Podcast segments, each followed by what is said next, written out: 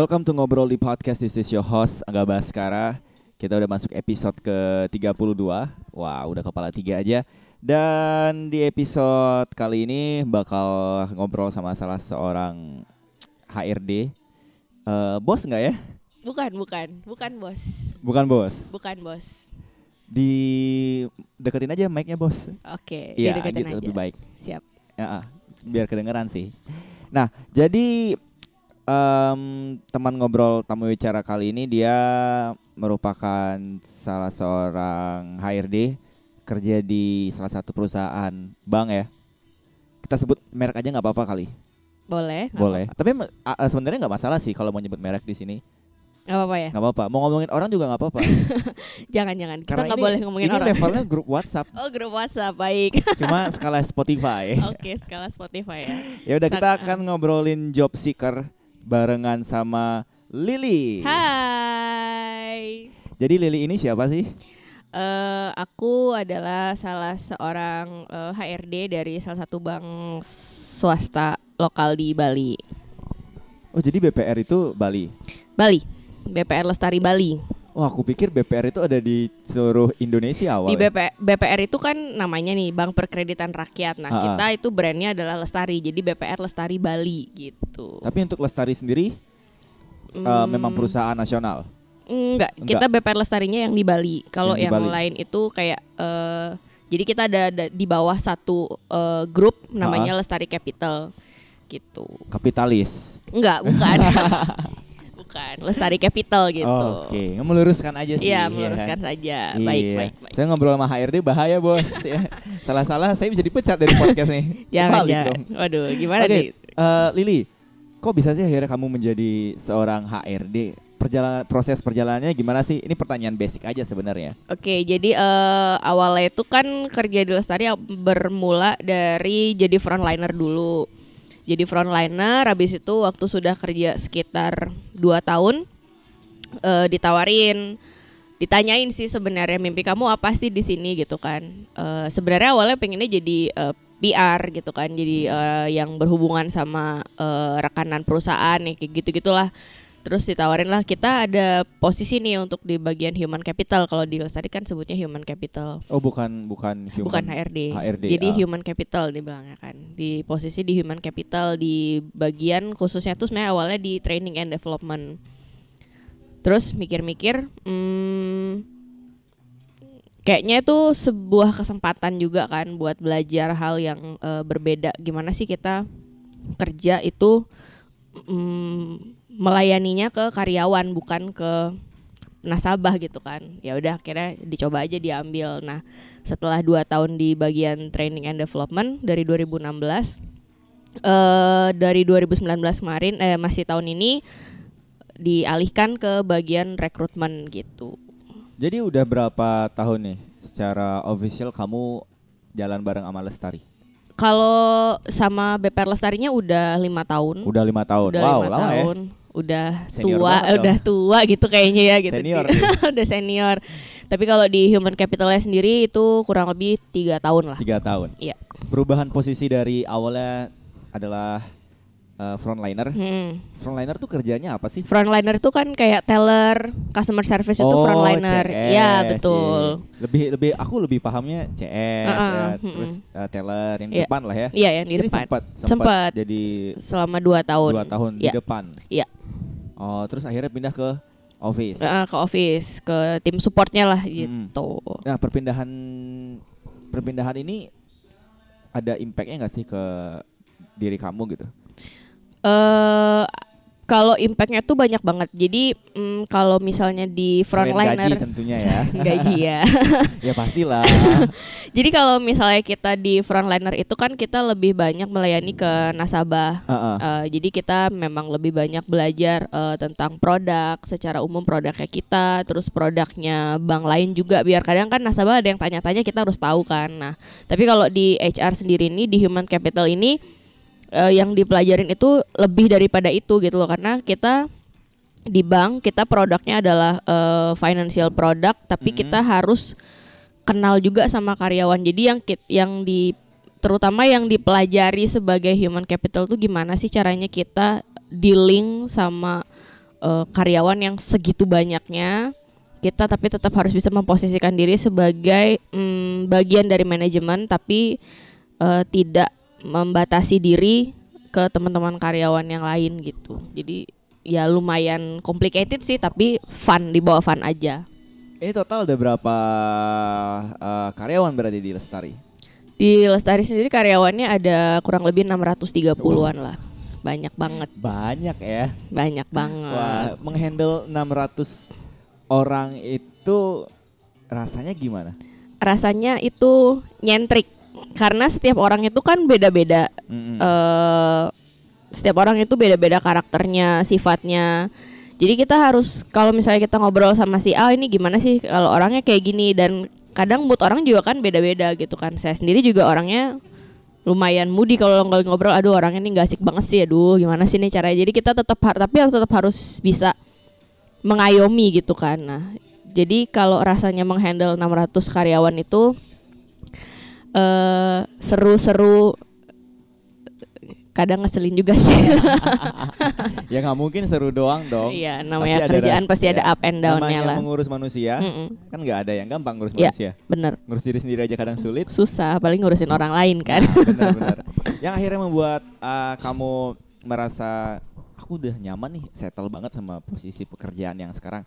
Karena kan nggak banyak orang yang bisa dapat pekerjaan di posisi yang di- bisa dikatakan cukup punya uh, gengsi gitu, seperti ini.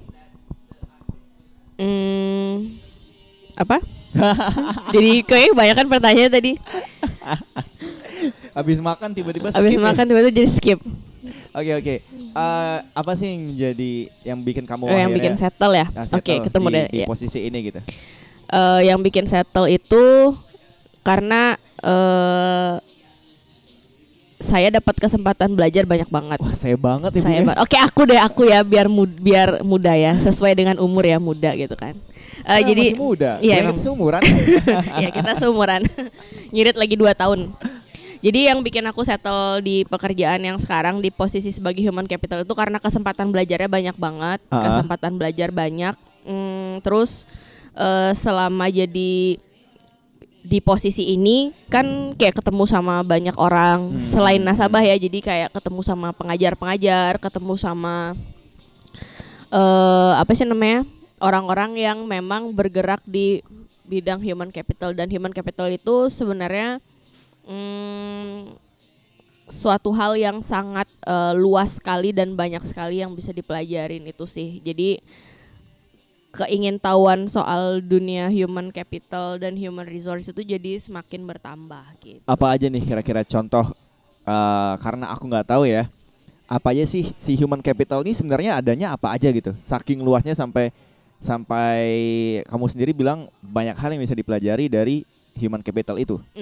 Human capital itu sebenarnya mungkin kalau orang ngiranya nih secara umum oh HRD itu kerjaannya mungkin hanya ngerekrut aja. Nah, sebenarnya pekerjaan dari human capital itu banyak banget.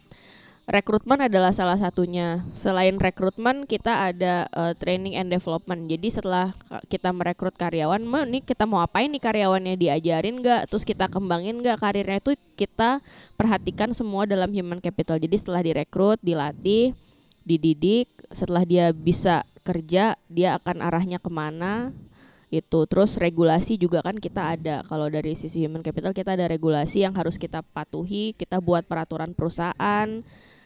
Eh, penggajian juga salah satunya itu masuk di human capital juga eh, mengenai benefits yang akan diterima eh, sama karyawan kayak gitu-gitu sih.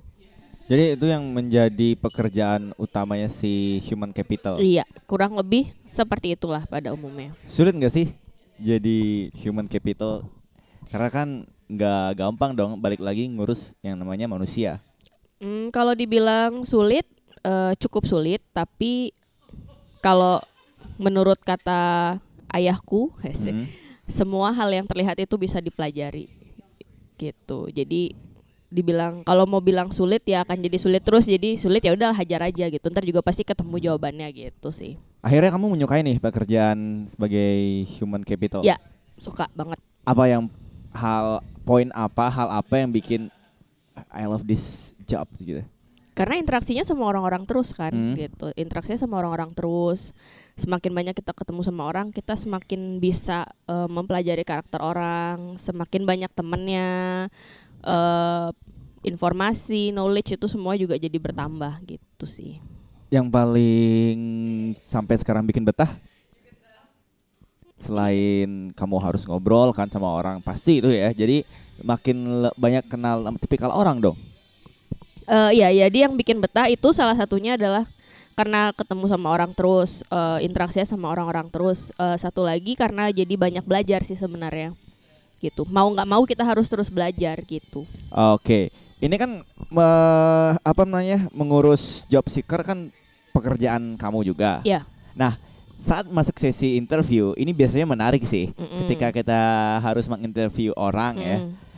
Apa sih yang yang yang paling ngeselin gitu dari si interviewer interviewer orang-orang yang mau cari kerja ini? Oke, jadi Mungkin ada mm, cerita yang bisa kamu share. Oke, banyak sih sebenarnya cerita. Mungkin nggak banyak ya, cuman eh, ceritanya tidak banyak tapi kejadiannya berulang Ah, gitu. yang jadi paling membekas. yang paling membekas. Jadi eh, lucunya job seeker ini eh, suka ngeluh kan mungkin di sosmed, oh cari kerja tuh susah gitu kan udah begini begitu begini begitu tapi cari kerja susah. Tapi mm, mungkin eh, teman-teman job seeker ini eh, kurang mengeksplor diri. Sebenarnya apa sih yang dibutuhkan eh, oleh sebuah perusahaan dan sebagai job seeker tuh apa sih yang harus saya siapkan gitu kan. Ini buat teman-teman job seeker. Jadi kadang ada jadi kita kan beriklan dong perusahaan itu beriklan kan. We are hiring buat posisi bla bla bla bla Hmm, bla hmm, bla. hmm.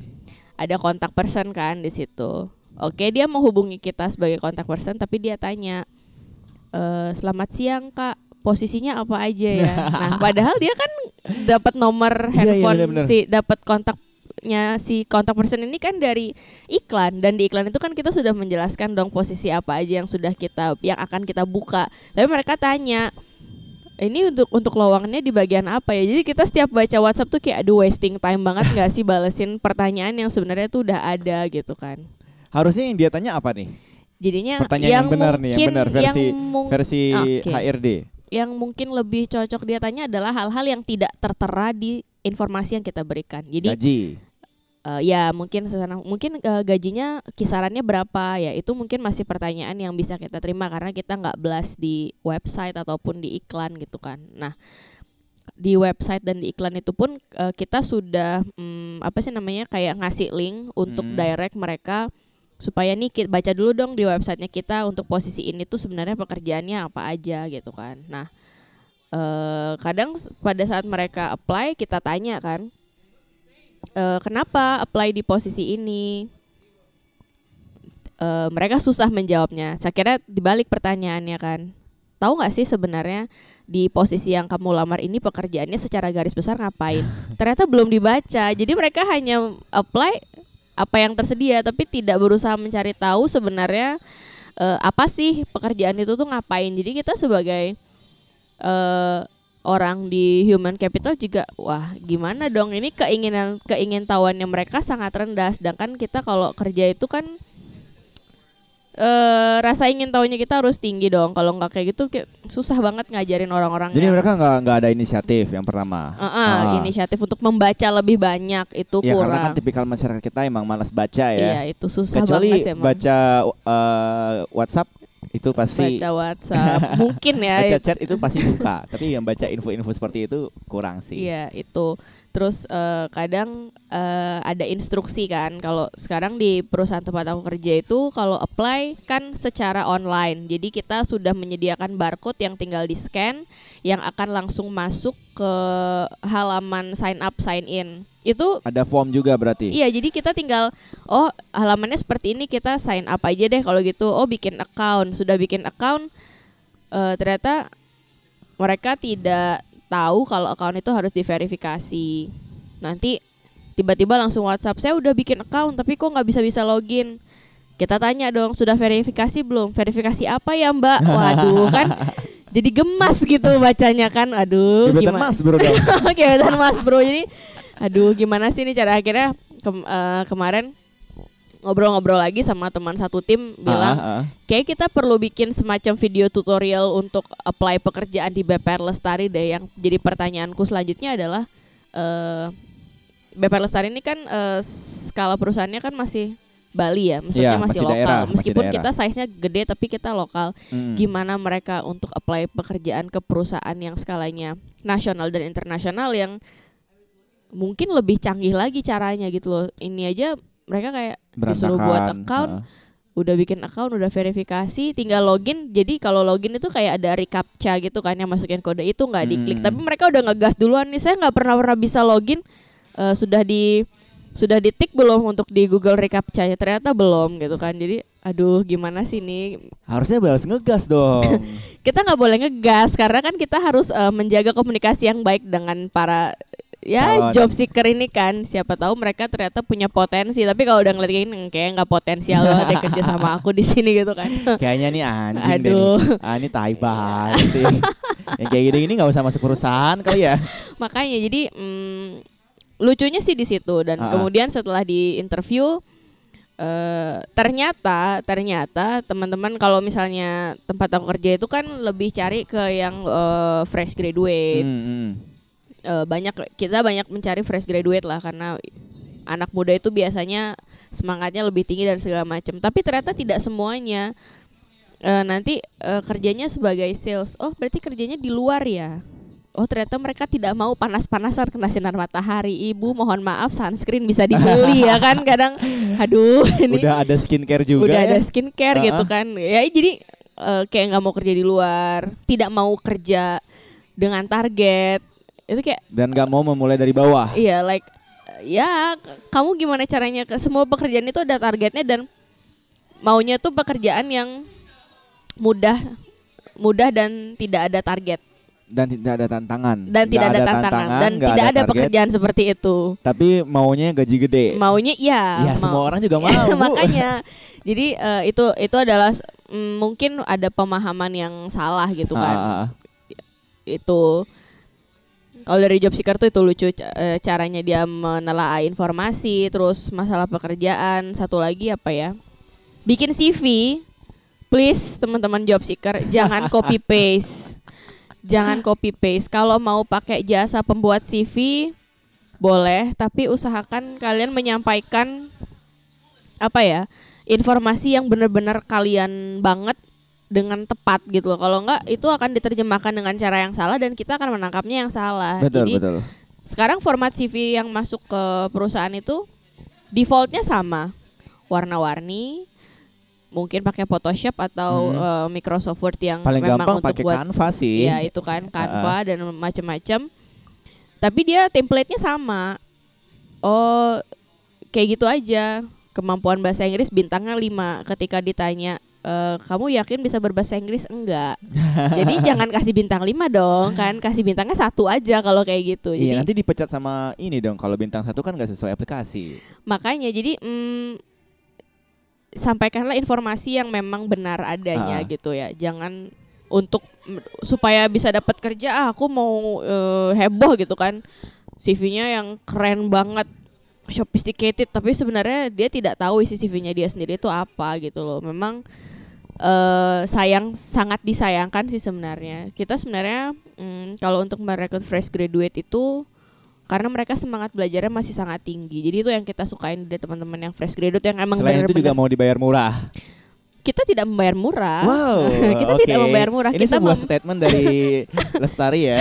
kita membayar selayaknya, Oke, selayaknya dan sesuai. UMR, UMR. Ya, udah pastikan gitu. Dan kalau bayar murah siapa yang mau kerja sama kita kan? Benar, kita benar. tahu lah di pasaran itu eh, range gaji seberapa itu kita memang mempelajari. Jadi kita nggak oh mentang-mentang fresh graduate kita, kita kita bayar murah nggak juga gitu loh. Kita membayar selayaknya dan ketika mereka bekerja dengan baik eh, target eh, tercapai, aturan perusahaan diikutin, nggak jadi karyawan yang aneh-aneh. Ya Aneh-aneh dalam artian aneh-aneh tuh kayak suka telat, suka bolos, eh, nggak sakit bilangnya sakit, terutama sakit hari Jumat sama hari Senin gitu kan. ke gap di klub ya. Tiba-tiba lagi eh nggak taunya eh, mereka cuma ngantuk doang gitu, males Ah, gitu ah. kan. Nah itu jangan lah jangan kayak gitu. Jadi eh, sebenarnya itu kalau jadi fresh graduate itu kan memang nggak perlu pengalaman namanya juga Hmm, fresh hmm. graduate kan kita cuma perlu orang yang emang mau belajar inisiatifnya bagus dan tolonglah tolong jangan terlalu banyak Banyak banget ya komplain Mbak. banyak komplain itu kayak curhatan ya. Jadi curhatan seorang human capital gitu kan ya jadi memang mm, job seeker itu banyak yang seperti itu kalau yang mungkin kalau yang sudah punya teman di tempat eh, kerja yang dia cari ya dia Orang dalam. orang bukan orang dalam Oh, sih jadi dalam. eh, misalnya aku punya teman di perusahaan A nih gitu aku tanya kan sebenarnya kerjanya di situ gimana gini gini gini dijelasin bla bla bla oh kita udah mendapatkan beberapa informasi eh itu biasanya dia akan lebih eh oke aku coba oke dia akan lebih mudah men, mm, apa ya lebih mudah diajak bicara lah. Tapi kalau yang nggak punya temen terus eh, dia suka menanyakan hal-hal yang eh, kita nanti kerjanya lembur nggak? Eh, terus kalau misalnya dapat cuti nggak? Kalau misalnya ada begini bisa begini nggak? Bisa begitu nggak? Jadi kayak oke mungkin dan itu kejadiannya bukan di satu dua orang. Jadi pertanyaan yang sama bisa berulang di setiap interview itu berlangsung BM ya. Iya, BM bener mau. banyak mau Tapi dari hi- dari he- human capital atau eh, HRD sendiri biasanya nih min apa sih yang diminta dari si job seeker yang diminta dari job seeker para supaya pen- bisa win-win solution gitu. Ketika akhirnya kerja job seeker ini bisa masuk nih ke perusahaan gitu. Oke. Eh, jadi sebenarnya kalau job seeker pada umumnya terutama millennials ya, dia eh, menginginkan eh, jenjang karir yang jelas. Itu udah pasti anak zaman sekarang tuh bagusnya eh, mereka punya goals yang bagus. Kalau emang high quality ya Visi orangnya. misinya udah Iya, kelihatan visi misinya gitu. jelas. Ah, Aku ah. mau menjadi seperti ini, aku mau menjadi seperti ini. Jadi dia yang akan ditanyakan nomor satu adalah jenjang karir.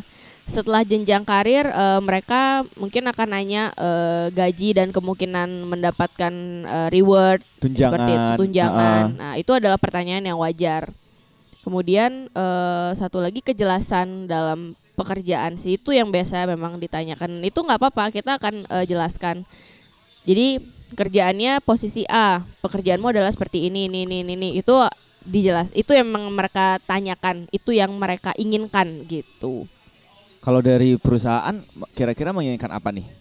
Kalau dari perusahaan kita itu sebenarnya menginginkan eh, karyawan yang eh, inisiatifnya tinggi, Itu pasti ya. udah pasti. Eh, kita dan kita juga menginginkan karyawan yang eh, keingintahuannya itu tinggi juga. Mm-mm. Dia haus untuk belajar. Jadi apa? eh, kalau mereka mau belajar dan inisiatifnya bagus, kita nggak akan terlalu susah untuk menggerakkan mereka gitu loh. Tapi kalau misalnya, jadi kalau misalnya mereka seperti itu, kita tinggal tanya aja, eh kamu ada ide apa lagi nih sekarang? Dia akan keluar terus gitu loh. Tapi kalau yang inisiatifnya rendah, mau dikorek kayak gimana pun nggak akan dapat karena mereka tidak mempelajari hal yang baru. Inisiatifnya rendah itu akan sangat sulit gitu sih. Jadi balik lagi ke inisiatif. Iya, inisiatif. Terus eh apa ya? Kita juga pengen punya karyawan itu yang punya mimpi, punya Oke. visi misi gitu loh. Jadi kalau dia tidak punya mimpi, tidak punya goals, kita nggak akan bisa ngarahin mereka untuk eh, ke posisi atau ke karir yang lebih baik karena mereka aja nggak tahu mereka maunya apa, masa kita yang ngatur-ngatur gitu kan? Hmm, Gitu. Ini contoh di depan saya ya. gitu ya. Aduh. Tapi kamu emang dulu pernah punya keinginan atau ya katakanlah mimpi yang kayak kamu bilang kayak aku pengen jadi HRD sih, kayak seru gitu. Mimpi sebenarnya jadi PR. Ah, ah. eh, public relation atau semacam humas eh, orang-orang yang emang berinteraksi dengan Tapi kan banyak kamu orang di luar. sarjana ekonomi. Ya sarjana ekonomi tapi kalau aku memang dari dulu dari SMA itu suka Oh, Dari MC SMA juga. suka nge-MC. Wah, ambil-ambil lahan saya dong, Bu. Eh, belum ya. Oh, belum makanya saya- saya bikin podcast nih. Karena udah gak laku MC. belum aku ambil, tenang aja.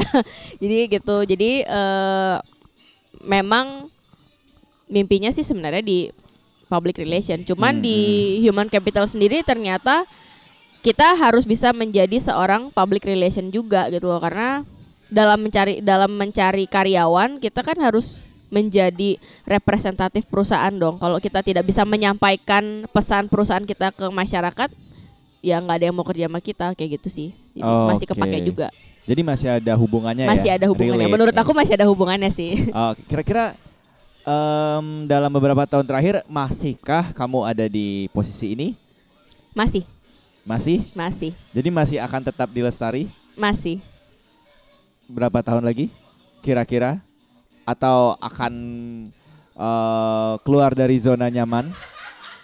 Em, kalau misalnya ditanya sampai kapan, mungkin kurang tahu juga ya. Maksudnya ke depannya tuh kita nggak akan tahu seperti apa gitu loh. Tapi untuk ya mungkin tiga tahun sampai lima tahun ke depan masih bisa lah. Di Lima tahun, wow. Berarti sekitar kepala tiga masih ya? Masih. Masih. Kenapa sih bisa sekonsisten itu gitu? Apa yang mem- yang membuat kamu berani untuk melakukan ha- eh, berani untuk berkonsisten seperti sekarang Konsisten Da- dalam dalam pekerjaan yang kamu tekuni ini? em, kalau kita ngerjain sesuatu tidak konsisten itu kerjanya nggak akan selesai. Itu aja sih. Jawabannya cuma itu. Karena udah pernah mengalami kan. Jadi kerjanya tidak konsisten ya nggak selesai. Kalau tidak selesai kita nggak bisa nge- ngerjain pekerjaan yang lain gitu. Oke. Jadi kerja di bank itu menyenangkan. Tired but fun. Yang bikin capek apa? Yang bikin capek. eh, Ini secara keseluruhan ya. Ya, secara keseluruhan ya. Eh, mungkin bukan cum bukan cuma aku aja sih yang akan mengatakan seperti itu kerja di bank itu tired but fun. Capek itu karena semua pekerjaan kan pasti capek. Kalau yang Ah. tidak capek adalah tidur-tiduran kan. Benar. Funnya karena eh, di Lestari itu lingkungannya masih muda-muda, Mm-mm. masih seumuran, Mm-mm. banyak eh, yang karyawan yang baru gabung tuh juga yang anak-anak masih muda. Jadi kita masih senang banget gitu loh karena informasi baru terus ada, pergaulannya juga kita semakin luas. Terus ngobrolannya masih nyambung. Kegiatannya juga kita banyak dan maksudnya banyak tuh melibatkan karyawan. Jadi kita emang dituntut untuk bekerja, tapi kita juga harus happy gitu. Oke. By the way, aku lihat di feed Instagram kamu, kamu juga suka lari ya? Ya, Di pelari kantoran, kantoran. Ya. Bagus banget kantoran. kantoran, kantoran ya. la- run lari ya. Ya, Ini kan lari. sebuah sebuah brand branding juga dong ya. Eh, iya, jadi Secara nggak langsung mm, kan branding juga nih. Jadi kita itu eh, jadi cuman awalnya tuh cuman beberapa orang aja kan yang kayak pulang kerja. Biasa kan kita joggingnya di Renon di lapangan Ah, ah, Renon. tapi sekali-sekali kita eh coba yuk kita jogging dari kantor ke Renon terus balik lagi ke kantor gitu kan. Mikir anjing jauh banget gitu kan. Ini jauh banget tapi udahlah coba aja hajar gitu kan. Oh ternyata tidak sejauh itu gitu kan. Berapa kilo tuh dari kalau kantor dari kantor ke Renon Umar, ah, ke Renon putar balik, balik, lagi, lagi. itu kurang lebih sekitar 6,7 kilo lah. Oh, dekat ya. hampir 7 kilo ya dekat sebenarnya Eh, terus kita resmikan saja lah ini gitu lari-larian ini jadilah kita bikin pelari kantoran jadi jargonnya adalah work run repeat Work, run, repeat. work run repeat Ini emang untuk pegawai lestari aja atau untuk umum sih? Em, awalnya sih kita cuman buat teman-teman di Lestari aja terus Hmm. karena kita sering posting dan eh, member member lawas dari pelari kantoran ini kan kayak banyak temennya juga di sosmed kan ih apa nih pelari kantoran seru-seru akhirnya banyak yang minta lah eh jersinya bagus buat dong jersinya bagus beli dong gitu kan jadi kita ya udah gimana kalau kita eh, kasih juga nih buat kita buka juga nih buat teman-teman di luar dari BPR Lestari untuk join sekalian kita branding juga kan memperkenalkan BPR Lestari ini seperti apa. Jadi beberapa member dari pelari kantoran uh, ada yang dari luar BPR Lestari sih. Dan brandingnya kena. Eh iya, jadi karena kan Soft banget ya.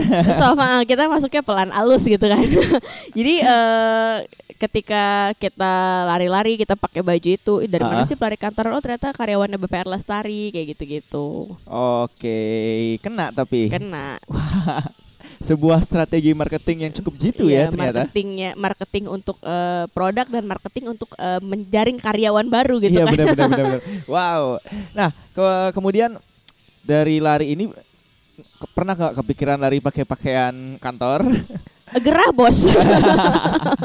ya kan bikin trademark baru bos. Ini kalau uh, random question aja sih. kalau lari pakai baju kantor eh, belum sih belum kepikiran karena seragamnya kita tidak bisa dipakai lari juga. Uh-uh. Tapi Hmm. jujur aku suka banget lihat uh, seragam si Iya, BPR itu Lestari adalah salah satu brandingnya BPR Lestari juga gitu. Jadi kita dibandingkan uh, bank-bank lain ya. Jadi kita kan eh, fashion, fashion juga. Jadi setiap tahun kita seragamnya ganti. Oke, se- tiap Setiap tahun, tahun. ah, wow. salah satu dari seragamnya kita ganti. Kayak banget ya Eh, bang ya. Fresh, jadi Ah. selalu fresh setiap tahun gitu. Ini tapi memang itu merupakan salah satu strategi dari perusahaan. Iya. Oke. Nah, ke depannya kamu kira-kira akan punya usaha sendiri nggak sih di luar ini? Kalau usaha sendiri eh, mungkin kecil-kecilan aja kali ya. Aku tuh suka eh, buatin custom tee. Mm-mm. Custom tee. Oh iya, aku juga lihat di uh, feeds custom kamu sih. jadi- Jadi ada aku melakukan sedikit riset Ah, gitu. ya. Iya, waduh, ditelusuri ini bahaya ini. Di stalking nih hati-hati kena pelet nanti.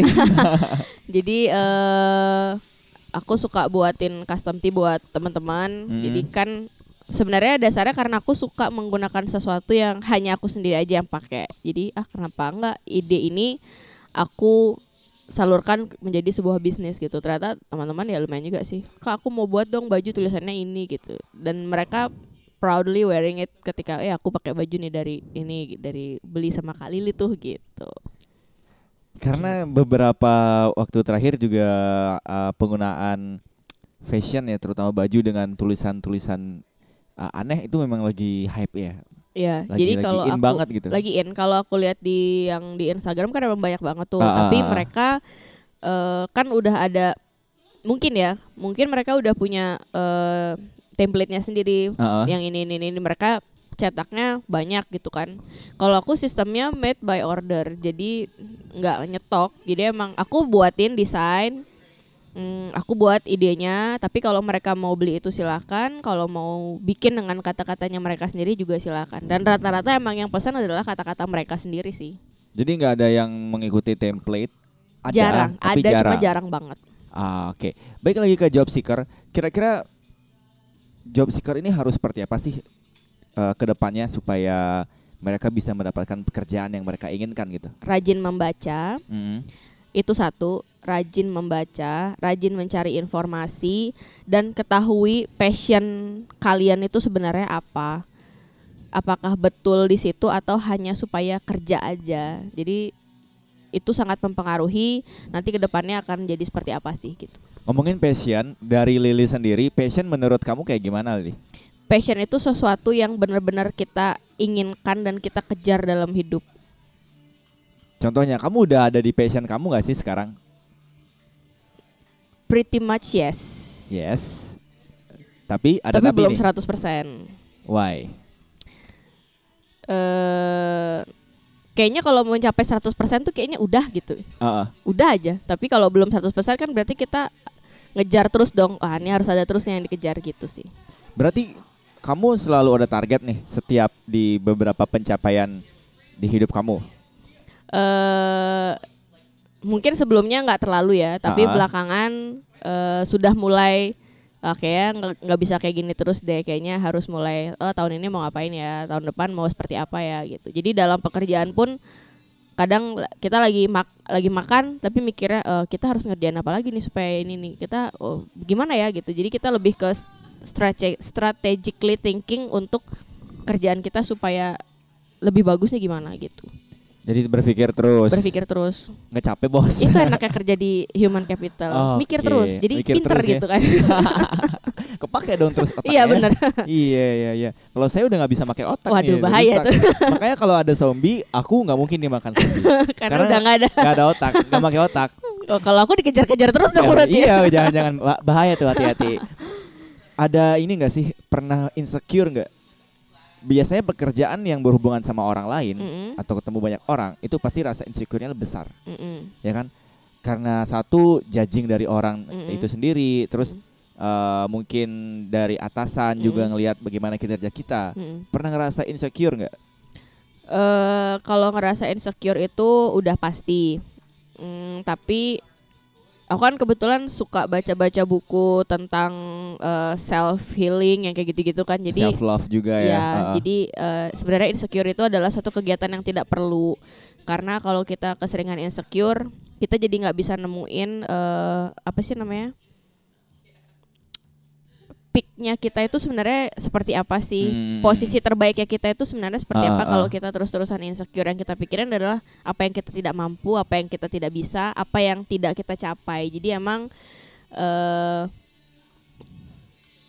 kalau bilang pernah insecure pernah tapi mungkin lebih ke dibuang jauh-jauh aja sih Oke, berapa lama biasanya mengurung diri? Sampai nggak sih ngurung diri gitu? Pernah nggak? Eh, tujuannya mengurung diri tapi teman-teman selalu mencari ayo Lili kita pergi ke sini jadi kan ada oke jadinya pergi juga gitu biar lupa sih sebenarnya Oh, Oke deh. Oke, eh, terakhir. Ini nggak terakhir sih, kayak dua pertanyaan Oke. terakhir gitu ya. Kebetulan aku lupa banget bikinin postingan kalau nanti bakal interview sama Lili nih. Jadi nggak ada yang nanya di Instagram. Ah, aduh sorry banget ya. Aduh, skip kemarin. nggak apa-apa nggak apa-apa eh advice buat teman-teman job seeker. Ini lang- langsung dari seorang human capital ya, yang Mm. kalau mau dapat kerja itu harus apa gitu selain membaca dan inisiatif dan yang udah kita obrolin tadi Oke, jadi sebenarnya itu balik lagi ya kalau ditanya job seeker itu harus seperti apa sih kalau eh, mencari kerja? Eh, satu udah pasti banget itu eh, ketahui passion kamu tuh di mana, pengennya kerjanya apa, terus sesuai nggak sih dengan eh, apa yang sudah kita kemampuan yang kita miliki. Mungkin belum punya pengalaman kerja tapi kayak kita kayak kita punya pengalaman kayak kita punya kemampuan satu kemampuan apa gitu kan. Hmm. Kemudian itu tadi baca perkaya informasi tentang pekerjaan yang akan kamu cari. Terus eh, ya itulah research juga kan kita. Jadi kita harus inisiatif untuk mencari tahu Eh, passion, baca, research, terus bergaul banyakin bergaul benar, eh, perbanyak eh, teman Mm-mm. dan tidak ada sesuatu di dunia ini yang instan. Jadi ketika kita mencari kerja, jangan mengharapkan segala sesuatunya akan terjadi secara instan. eh, instan. Ikutin aja prosesnya, eh, jalani dengan baik, eh, jaga attitude dan kedisiplinan terutama itu kita nggak akan jauh-jauh dari karir dan kesempatan yang lebih baik. jadi attitude nomor satu ya Ya. attitude nomor satu skill itu bisa dibentuk Ya. Oh, oke deh pekerja yang baik adalah pekerja yang Passionate, passionate wow oke thank you Lili sama-sama. udah ngobrol di ngobrol di podcast. Ya. Ini informatif banget ya, berguna buat teman ngobrol yang mau cari kerja. Kamu bisa dengerin episode ini. So kita akan ketemu di episode-episode berikutnya. Jadi langsung aja eh, Angga Baskara pamit Lili juga pamit. dan jangan lupa tiga hal untuk kamu yang mau cari kerja: doa, usaha dan orang dalam. Enggak juga sih orang dalam. Oh gitu Zaman ya. sekarang udah nggak keren lah kalau pakai orang udah dalam. pakai orang dalam. Nggak, ini Nggak. jokes doang sih sebenarnya ya. Oke, bye bye. Bye.